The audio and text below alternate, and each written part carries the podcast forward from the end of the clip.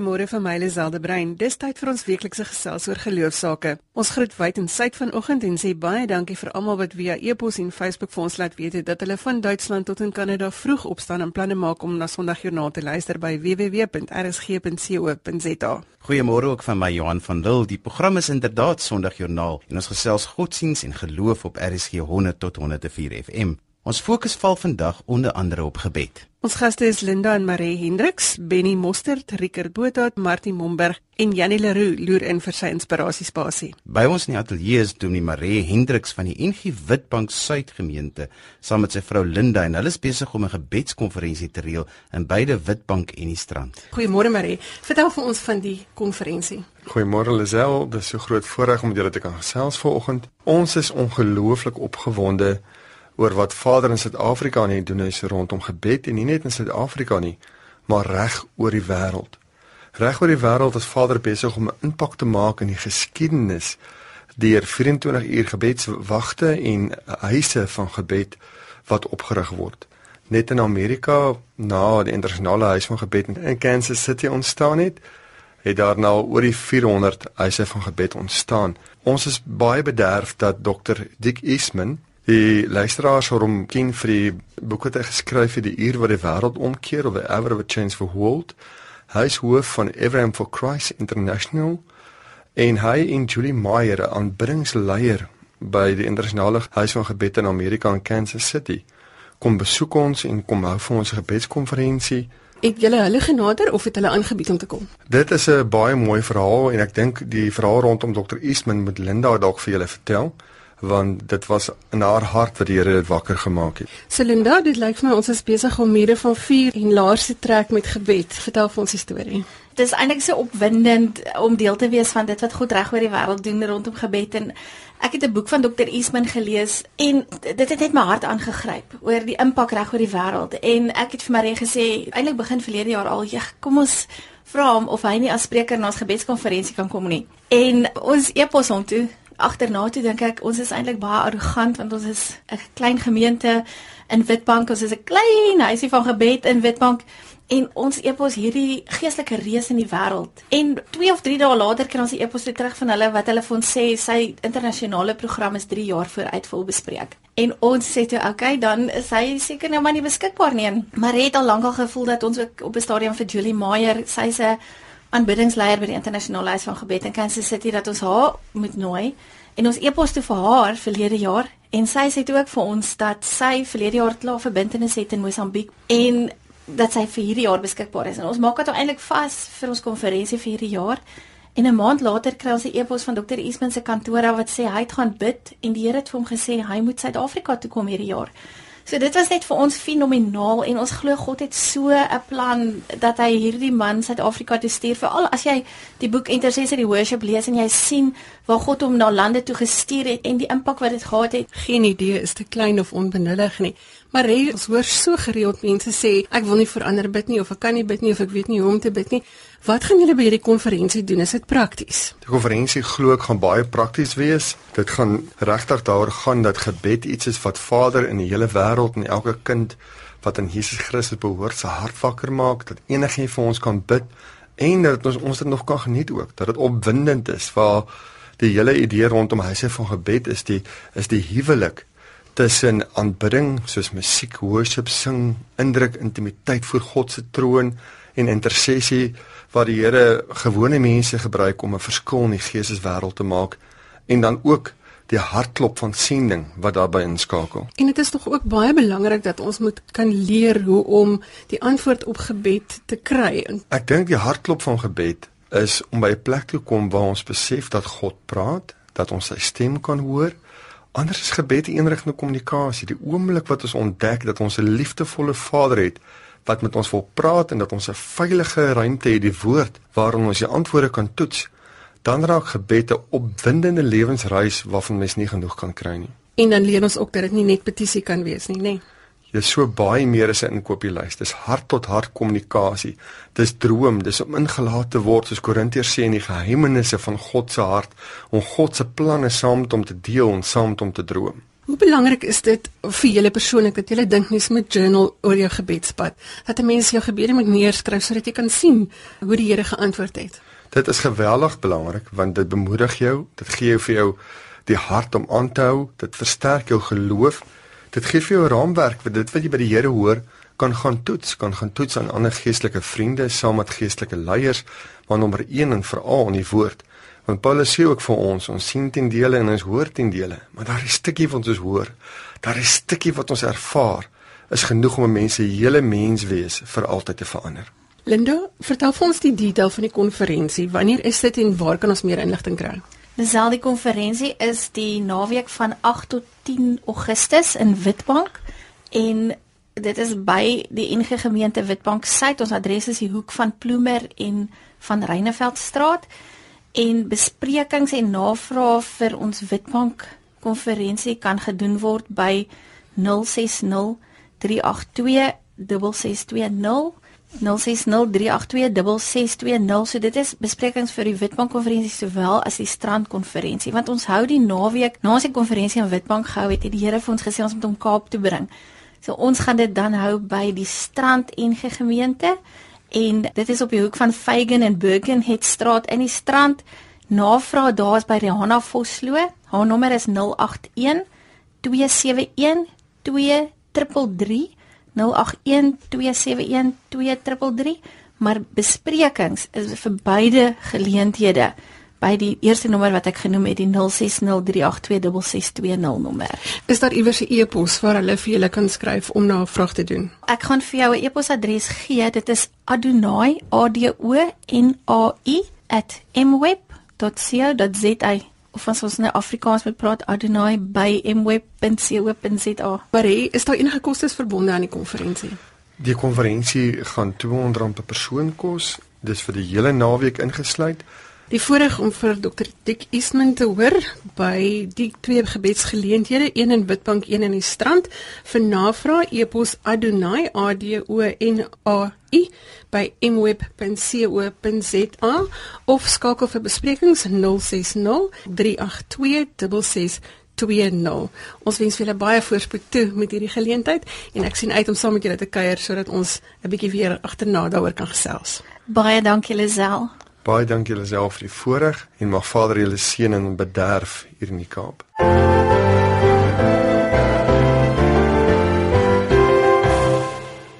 Goeiemôre, as jy sopas ingeskakel het, jy luister na RSG en die program is Sondagjoernaal. Die broers het 'n besonderse weergawe van die Onse Vader opgeneem. Ons gaan eers daarna luister. Ons Vader wat woon in die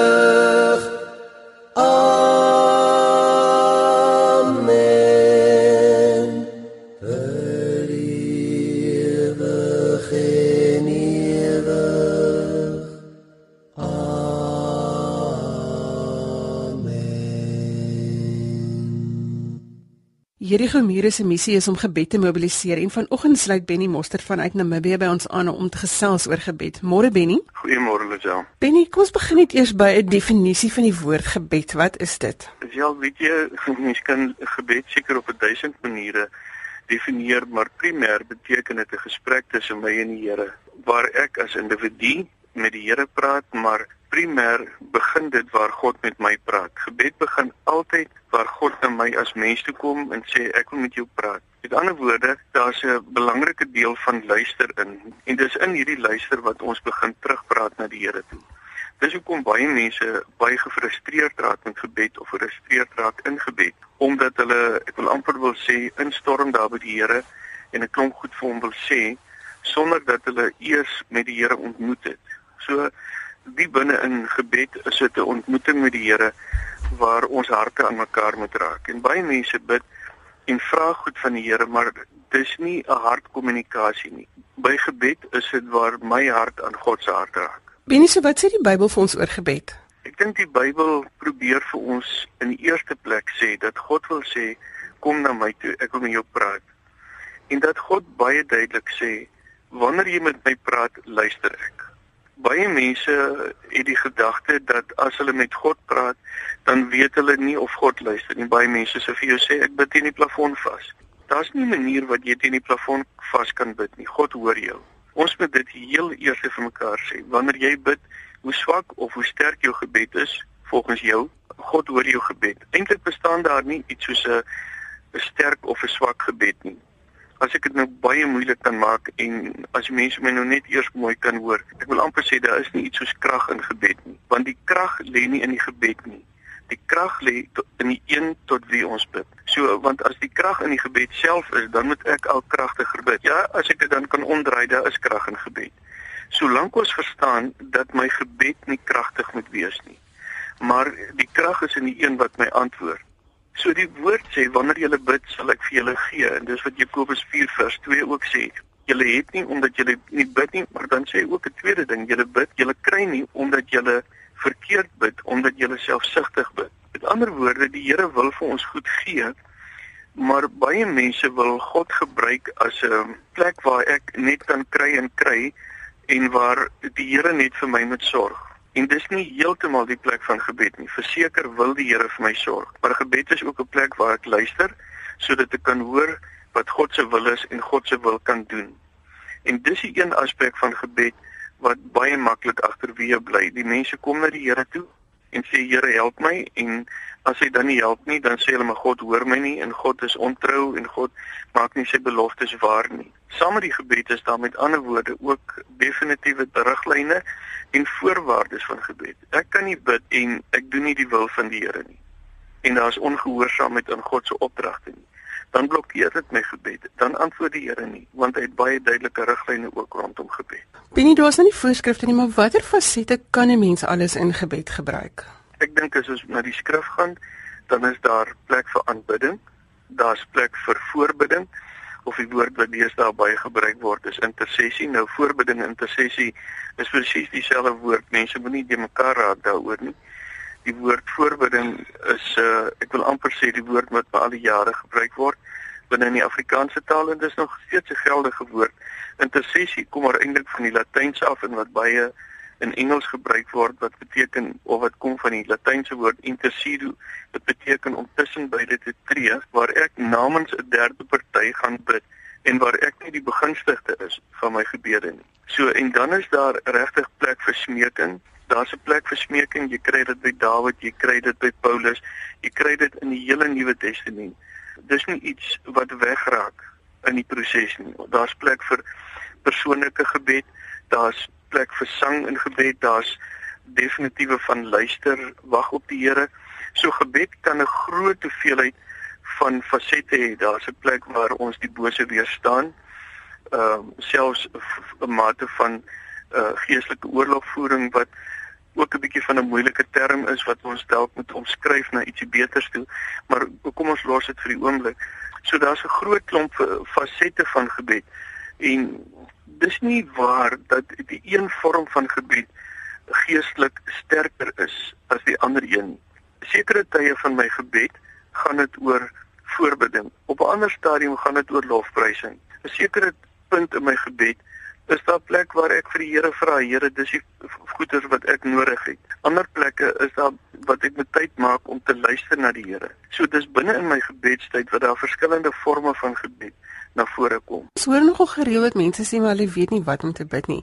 Dan is dit seker nodig dat ons hulle kan sê maar hulle kan die woord gebruik om wel net in die gewoonte van gebed in te kom. Hoe sou 'n mens dit doen? Ek dink as mense sê ek weet nie wat om te bid nie, jy het baie belangrike ding nou gesê is eerstens om na die woord toe te gaan. Mense kan doodgewoon begin leer om te bid.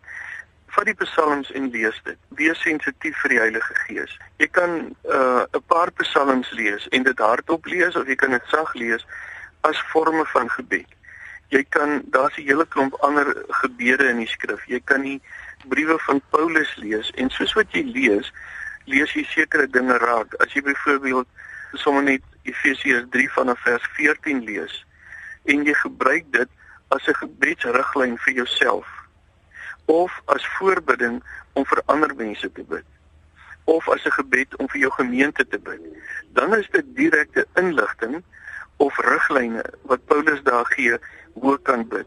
Dis maar 'n voorbeeld. En jy die hele boek van Efesiërs kan jy bykans net so vat as 'n gebedsriglyn om te bid. Maar dan moet is dit nogal belangrik dat 'n mens na die lewe rondom jou kyk.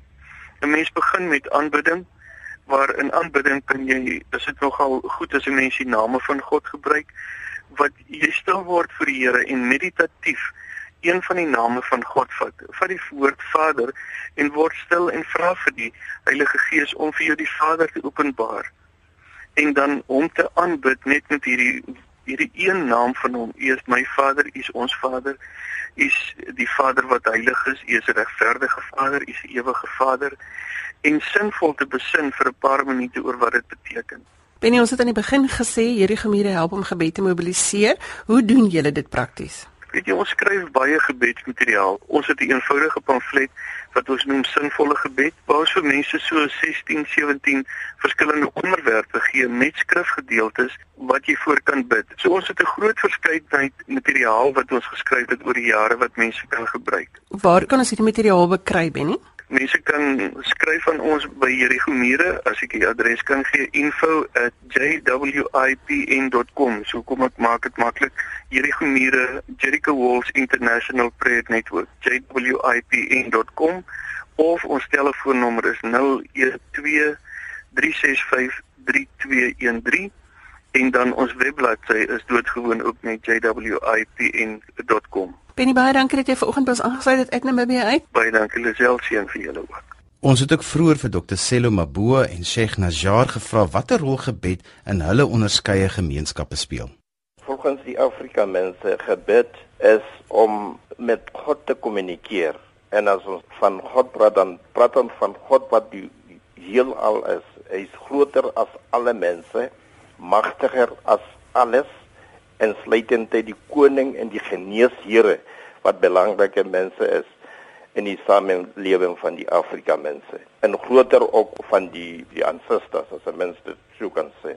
So 'n gebed is om met daardie God, die skipper, die een wat oor alles beheer, Bybels gesproke die alfa en die omega te kommunikeer. En hoe wat kommunikering betref dan bedoel dit 'n mens kom na God met sy eh, gebreke.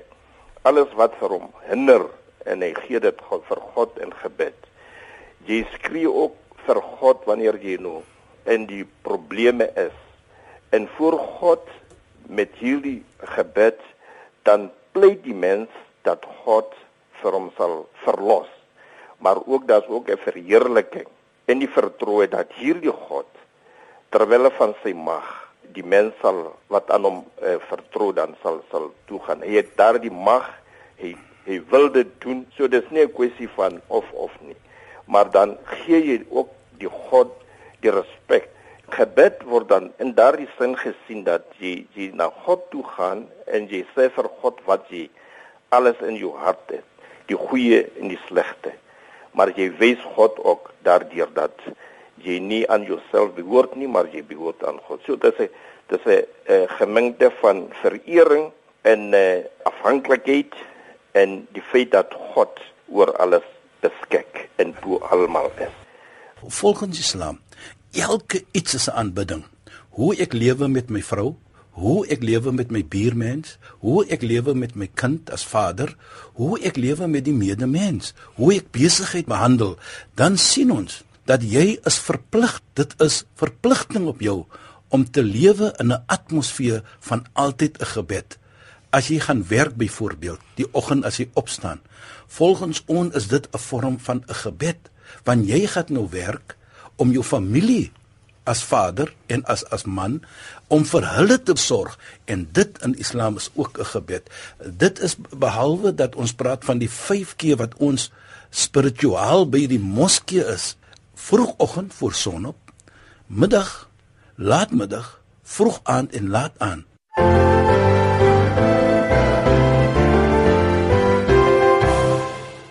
Ons bly vir 'n oomblik by die onderwerp van gebed. Rickert Botha is 'n pastoor in Vredendal en hy het 'n paar jaar in die Oekraïne gewerk.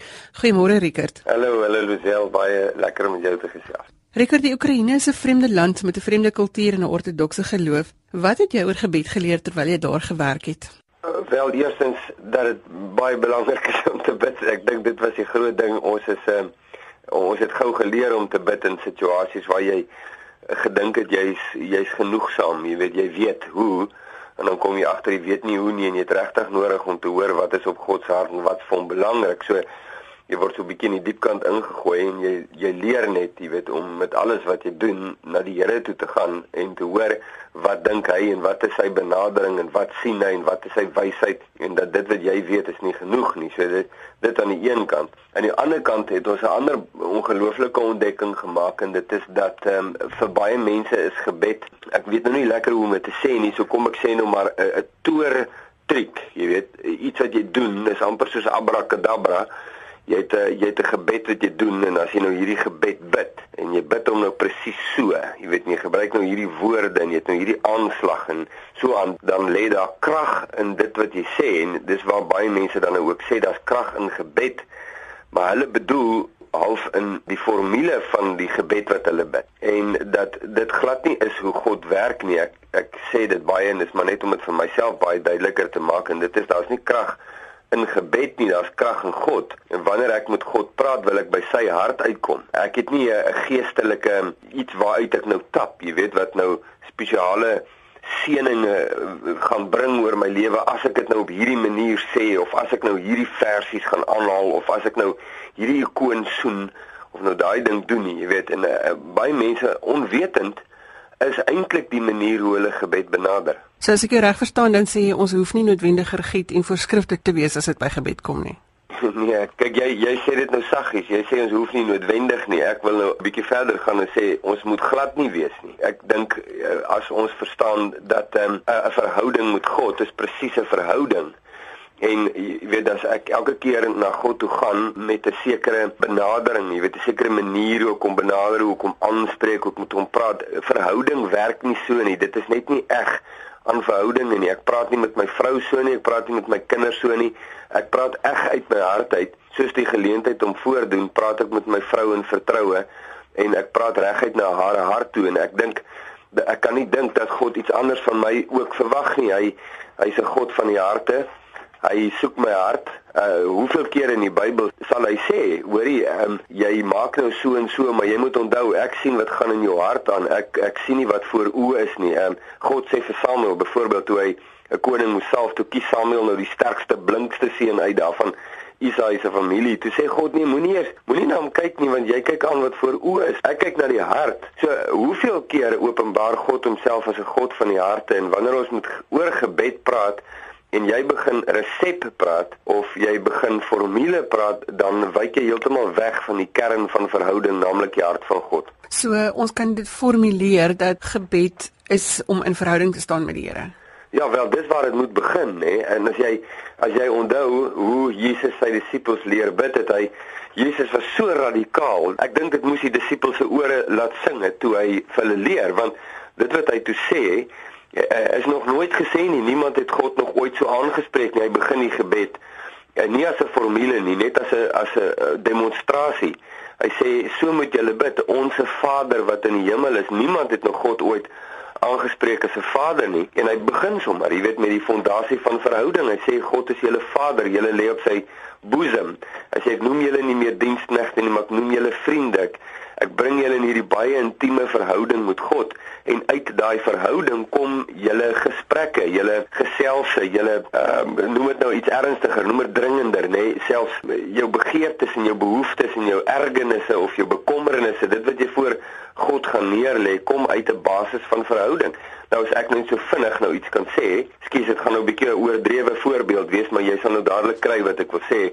As ek elke gebed begin met o almagtige God en hemelse Vader. Nou kyk, hy is almagtig en hy is verhewe en hy is groot, maar dit het vir ons 'n resepie geword. Jy weet, elke keer as iemand bid, ek praat met jou Lisel so normaal, dan vra jy my ag, bid dit gou saam dan skielik verander my stem en my woordeskat verander. Jy weet ek word sommer net 'n ander mens tot ek amen gesê dan word ek weer normaal. Dit was nie God se idee vir gebed nie. Rickert, ek gaan nou voorskriftelik wees. Ons het een sin om vir mense te sê hoekom moet ons bid vandag? Welkom ek sê so. Uh een sin sê jy, kom ons maak dit 'n langer rig. ons sê ek bid want ek het met God te doen en hy wil deel wees van my lewe en hy vra vir my om hom deel te maak van my lewe en hy wil homself aan my openbaar en om in 'n verhouding te staan deur gebed, deur met hom te praat, deur my hart aan hom oop te weet te openbaar, is alles deel daarvan. En dit is baie belangrik. Dit help nie net ek sê God kan alles sien, hy weet en hier gaan ek nou net my eie ding doen en God doen sy eie ding nie. Dis nie hoe dit werk nie. God wil deel wees van my lewe en ek deel van hom en gebed is in die kern daarvan. Rikker, dankie dat jy vanoggend saam met ons gesels het. Dankie Lisel.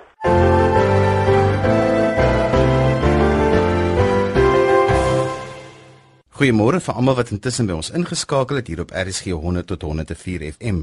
Die program is Sondagjoernaal. Ons fokus skuif na 'n paar nuusgebeure hierdie week.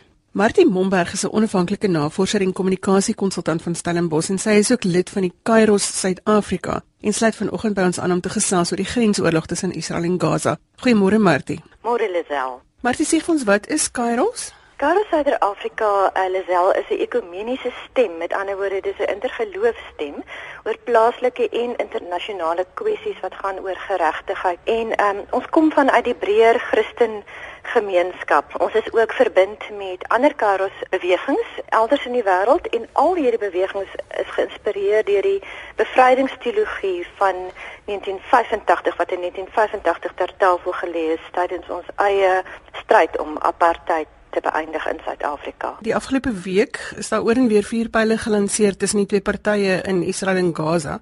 Wat is die oorsaak van hierdie nuwe gevegte? Ja, daar kom vuur pile word geskiet van Gaza, maar daar word bomme geskiet van Israel se kant. Jy weet mense sou kon fokus op die huidige kwessie wat dit ontlont het, wat dit aangevuur het en dit is die kwessie van die uh, tieners in Israel wat tragies vermoor is, maar daar is nog nie bewys uh, aangedui wie hulle vermoor het nie.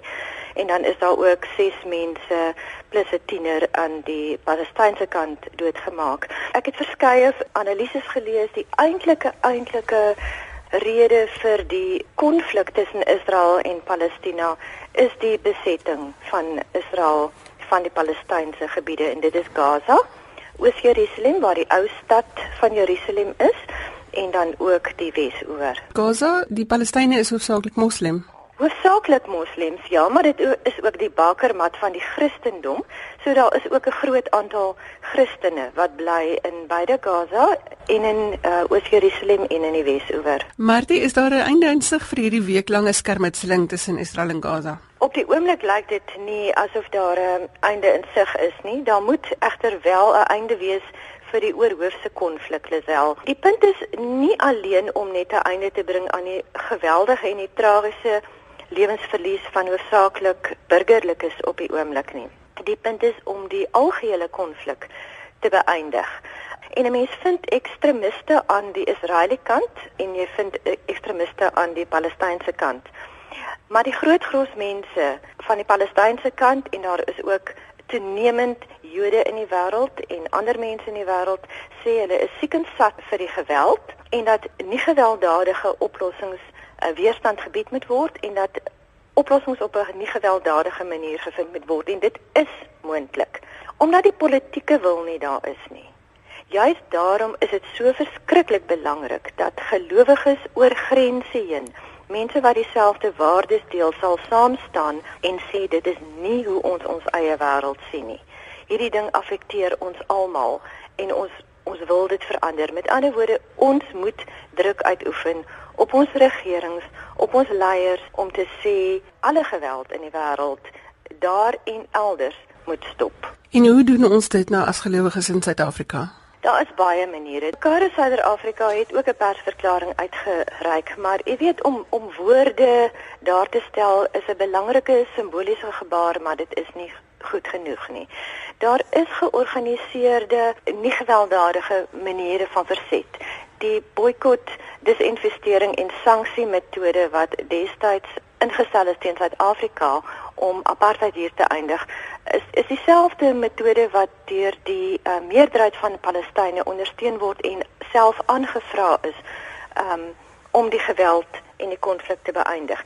So 'n mens kan inskakel by organisasies um, wat hierdie so ding doen, maar 'n mens kan ook net op 'n op 'n doodgewone manier kan 'n mens let op die manier waarop jy praat. Ek is ver oggend getref deur 'n sin wat ek oor die radio gehoor het. Die sin het gesê Israel teiken militante groepe in Gaza. Nou, dit klink nou 'n doodgewone sin, maar ja, Hamas het militante optrede. Maar so het Israel. Israel is by uitstek militant in in sy um dominante manier en sy baie sterk manier waarop hy militêr optree. Israel is 'n is 'n militêre supermoondheid in daardie streek. So mens moet konsekwent wees in jou redenasie as jy sê wie is militant en wie is nie militant nie. En 'n mens kan nie 'n groep afmaak as terroriste en en nie raak sien dat 'n land ook kan optree as 'n terroris wanneer daardie land byvoorbeeld internasionale reg oorskry nie. Ek dink die kernpunt vir my vir ons as gelowiges is dat ons moet kyk hoe lees ons byvoorbeeld die Bybel. Dat is nie dink dat die Bybelse konsep van Israel dieselfde ding is as die moderne nasiestaat van Israel nie. Dat is met onderskeid tref tussen ons spirituele konsepte en en en wat in politiek vandag gebeur en wat menseregte benadeel. Maar dit terselfdertyd het ek in hierdie week in CNN gehoor dat hulle gesê het dat die vuurpyle wat van Hamas af geskiet word is simbolies van aard en nie vir oorlog nie, wat ek ook nogal gedink het is 'n interessante siening van die saak. Dit is my baie verblydend dat jy nou sê dat jy dit op CNN hoor. Um ek het dit nie gehoor nie. Dit is dit is 'n asimetriese konflik en baie mense beskryf dit as 'n oorlog, maar dit is nie werklik 'n oorlog nie. Aan die een kant het ons mense wat verset teen dekades lange onderdrukking. Aan die ander kant het jy 'n supermoondheid wat mites versprei om te sê ons is op die punt om in die see gestoot te word en ehm um, God het ons hierdie land beloof. Jy weet jy ons koop almal in daardie soort letterlike manier om die Bybel te verstaan, maar dit weet jy en dit gaan dalk nou vir baie mense se skok kom om so na die Bybel te kyk, om die Bybel so te lees in terme van Israel. Dit is fundamentalisme. Vir my toe ek self ontdek het dat ek so na die Bybel kyk in terme van Israel, nie in terme van gender kwessies of ander menseregte kwessies nie. Was dit vir my skokkend dat ek as 'n post-apartheid Suid-Afrikaner so na die wêreld kyk. Ek voel passievol daaroor dat juis ons as Suid-Afrikaners met ons verlede het ons die verantwoordelikheid om aktief um te kyk na hoe ons die Bybel lees, na hoe ons die ander heilige geskrifte in ons land lees en onderskeid te tref en op te staan in solidariteit met ander wat ook sistemies onderdruk word soos wat dit hier die geval was in ons land. Baie dankie vir jou saamgesels vanoggend. Dankie Lisel.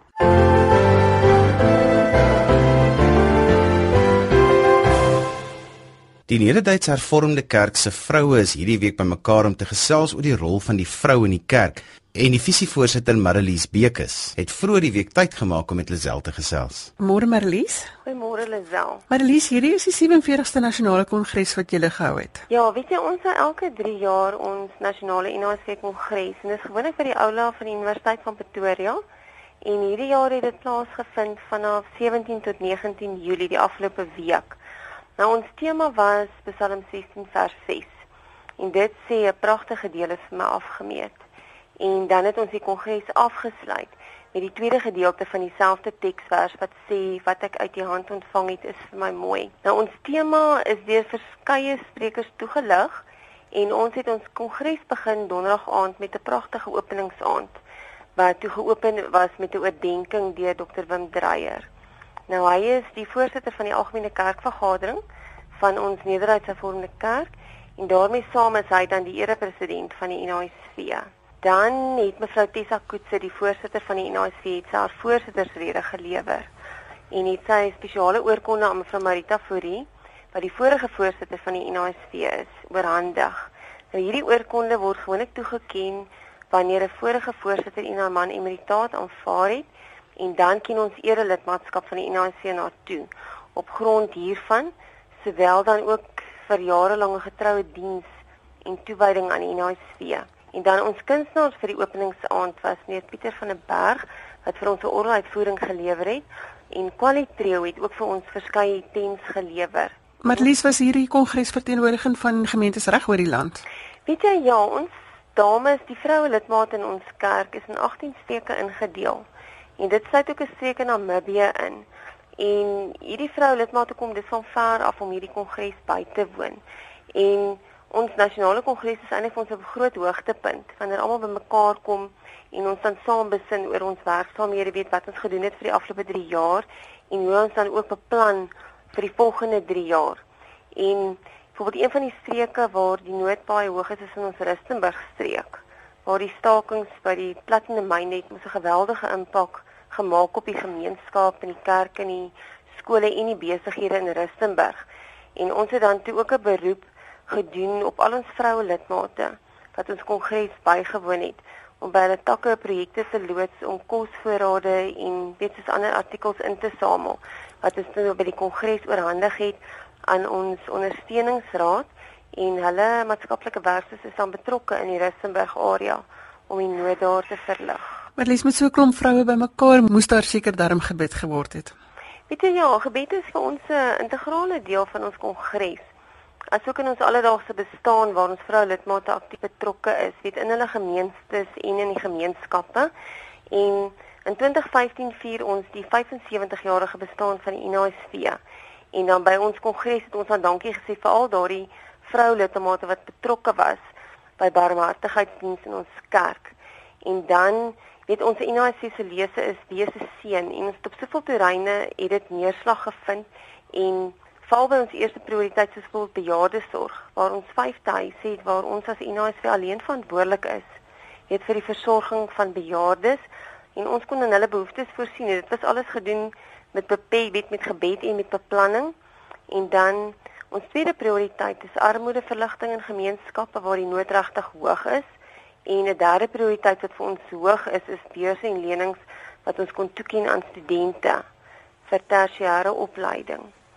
En self dan voorbereiding het ons ook gedoen vir 'n paar beskrywingspunte by ons kongres, soos byvoorbeeld vir dwelmmisbruik onder ons jeug waar ons vir die kerk en vir ouers sowel as vir skole en staat aan vra om op verskillende wyse nog meer betrokke te raak in die bekamping hiervan. En dan 'n ander saak waar ons baie ernstig voel was 'n beskrywingspunt wat handel oor geweld teenoor vroue en kinders waar ons as vroue lidmate van ons kerk betrokke is saam met die Reformed Christian Women's Forum wat laas jaar in Augustus gestig is deur verskeie vroue lidmate van verskillende denominasies landwyd en dan hoop ons om so ons stem te laat klink by die wetgewende gesag van ons land. Nou ja, lekker om te hoor dat 'n klomp vrouens bymekaar is om 'n verskil te maak. Een van die dae is dit Vrouedag en dan gaan ons 'n hele program wy aan die plek van die vrou in die kerk en hoe hulle 'n verskil maak.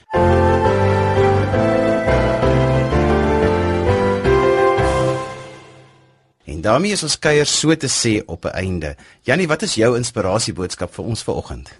Baie eenvoudig, bid dit reg of weg. Jakobus 5:16 sê die gebed van 'n gelowige het 'n kragtige uitwerking. Ek dink baie van ons lewe se bekommernisse en probleme het eintlik 'n eenvoudige oplossing. Dit moet of regkom of dit moet weggaan. So kyk hoe jy dit kan regmaak of kyk hoe jy dit kan laat los of iets doen sodat dit kan weggaan. En as jy dit nie kan doen nie, bid dit reg en vra dat God dit wegvat. Jakobus sê, juis, hierdie gebed het 'n kragtige uitwerking, want gebed is om te gesels met die koning van die heelal wat biljoene sterre en planete gevorm het en ook die kleinste embrio laat leef. So God kan storms laat bedaar, God kan nuwe moontlikhede skep, God kan mense genees. Niks is vir God te moeilik nie. So gesels met die een wat alles reg kan maak of dit kan wegvat. Dis so eenvoudig om dit 'n gebed te noem en te sê, Here, maak dit reg of vat dit asseblief weg. En nou kom die avontuur om te sien hoe dit gebeur. Want dit gaan gebeur. Moet net nie vir God voorskryf hoe dit moet gebeur nie. God werk met 'n groter prentjie. So, bid dit reg of weg.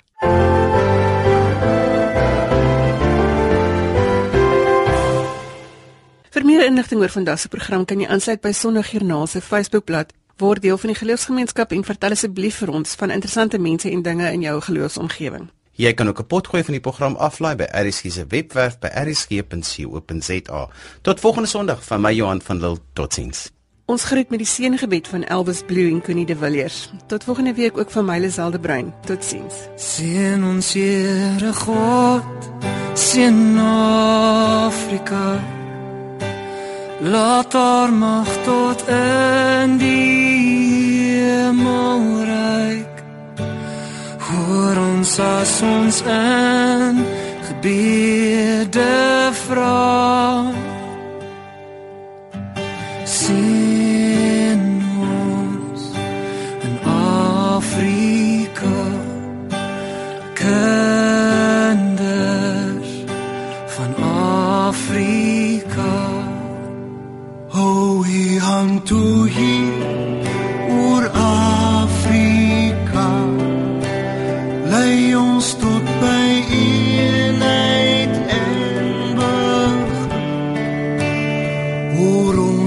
ons as